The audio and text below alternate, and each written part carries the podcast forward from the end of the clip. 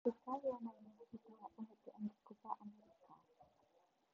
Lionel Messi yang acap kali menjadi pahlawan Barcelona dengan segitu banyak torehan prestasi, nasibnya tidak sama ketika membela timnas Argentina.